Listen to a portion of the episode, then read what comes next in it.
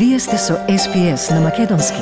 Слушнете повеќе прилози на sps.com.au козацрта на Седонин. Во овој билден, Украина прави се во своја мок за да го спаси преостанатиот дел од своите сили во Мариупол, окупиран од Русија. Антони Албанизија поддржува политиката на лабористите за грижата за деца пред објавувањето на партиските трошоци за изборите. И синодот на Македонската православна црква, Охридска архиепископија, очекува до крајот на месецов Српската православна црква да испрати предлог за автокефален статус до Вселенската патриаршија. На СПС на Македонски следуваат вестите за 19 мај 2022 година. Јас сум Ана Коталеска.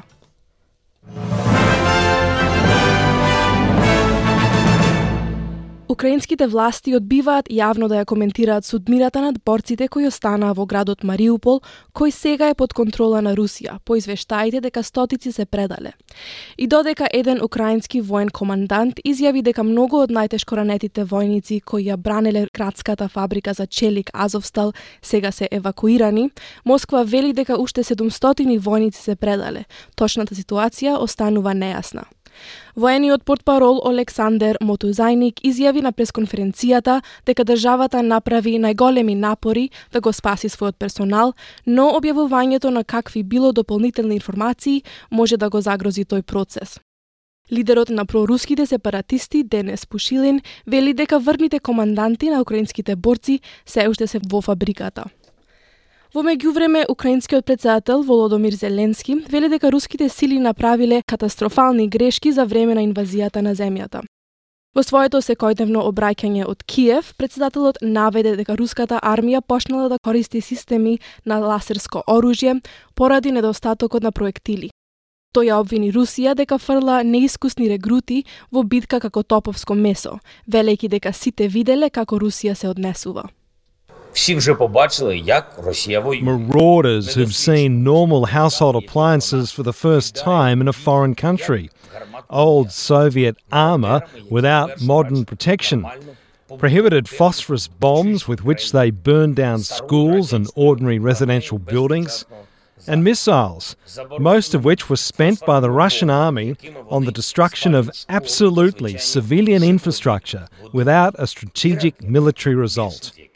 Вытрачена, витрачено Антони Албенизи ја засили својата политика за грижа за деца, додека водече кампања во седиштето во Сиднеј Бенелонг, кое лабористите се обидуваат да го извлечат од коалицијата. Лабористите го представија својот пакет за грижа за деца во партискиот буџет, но доби одредени критики за ограничувањето на приходите, што ќе има возможи на семејствата со високи приходи да добиваат субвенции. Господин Албенизи тврди дека политиката ќе има возможи на повеќе жени да учествуваат во работната сила. A woman uh, who wants to uh, work full time should not be judged just based upon uh, the income of their partner. And uh, that is one of the factors uh, that we've considered here. Uh, we will uh, mean that the subsidy will phase out at $520,000. But we're also going to look at, through the Productivity Commission, a review of how that's working in practice and whether we would move to a universal subsidy.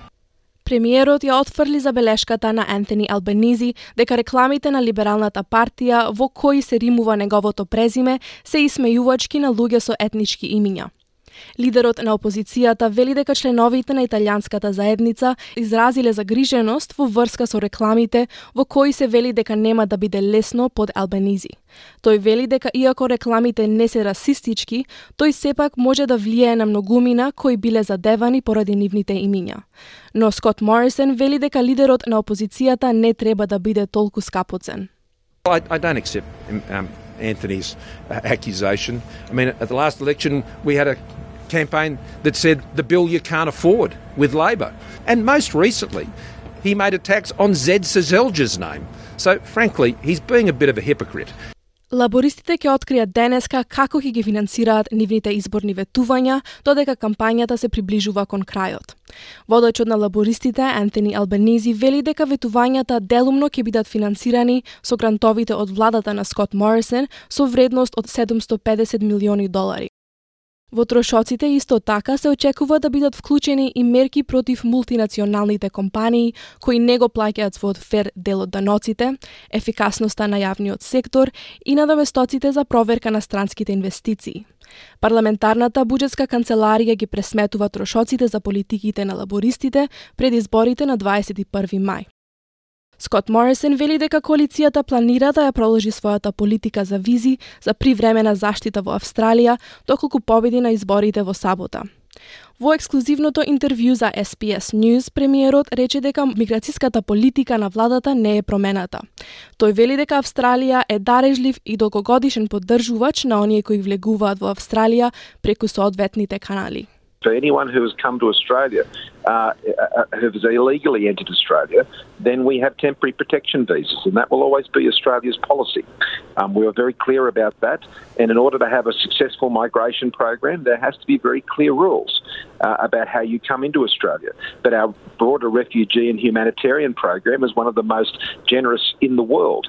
I mean, right now, we have already um, processed visas uh, for some around 7,500 Ukrainian refugees. Изборните службеници ги убедуваат гласачите дека ќе има доволно места за нив да гласаат кога ќе се отворат гласачките места во сабота. Останува недостигот на персонал во некои оддалечени заедници, но изборниот комесар Том Роджерс вели дека ова може да значи дека само многу ограничен број избирачки места нема да може да се отворат. Во северниот дел на Нов Южен Велс, погоден од поплавите, имаше стравувања дека само едно избирачко место ќе биде отворено во Лизмор на 21 мај. SPS News потврди со Австралиската изборна комисија дека четири избирачки места ќе бидат отворени во Лизмор, а уште повеќе во околните области. Поглаварот на Македонската православна црква, господин господин Стефан и тројцата највозрасни митрополити денеска патуваат за Белград на заедничка литургија со српскиот патриарх Хорофи и српските архиереи. Ова одлука ја донесе синот на МПЦ на вонредна седница, прифаќајќи ја поканата од СПЦ. Во меѓувреме, владиката Тимотеј вчера соопшти дека очекува до крајот на месецот да се заокружи постапката со барање од македонската страна за автокефалност како предлог на Српската црква и со согласност на сите православни цркви.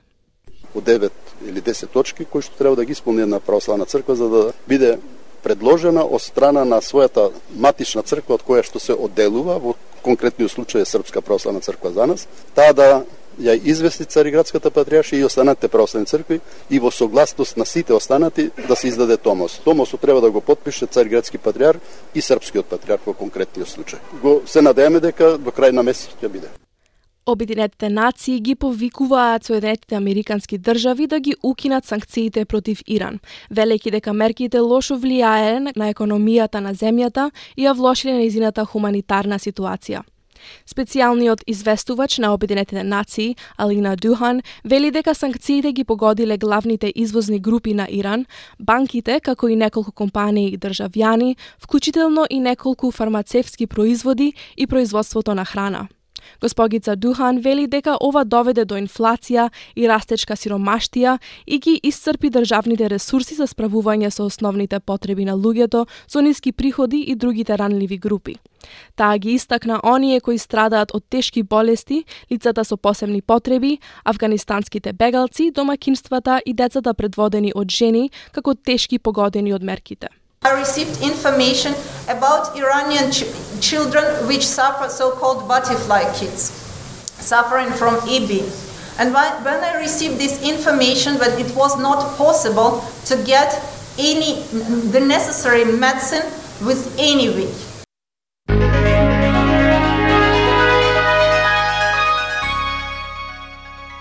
Од најновата курсна листа, денеска еден австралиски долар се менува за 0,66 евра, 0,69 американски долари и 40,67 македонски денари, додека еден американски долар се менува за 58,10 македонски денари и 1 евро за 61,5 македонски денари. И за временската прогноза за главните градови за утре, петок 20 мај, во Перт слаб повремен дожд со максималната температура до 21 степен, во Аделаид делумно облачно со 18 степени, слично и во Мелбурн делумно облачно но 16 степени, во Хобарт облачно, максималната ќе постигне до 14 степен, во Канбера претежно сончево со 15 степени, во Сиднеј слаб повремен дожд со 19 степени и во Брисбен слаб повремен дожд со 23 степени, во Дарвин сончево со максималната до 32 степен и во Алис Спрингс сончево со 24 степени. Сакате ли да чуете повеќе прилози како овој? Слушате подкаст преку Apple Podcasts, Google Podcasts, Spotify или од каде и да ги добивате вашите подкасти.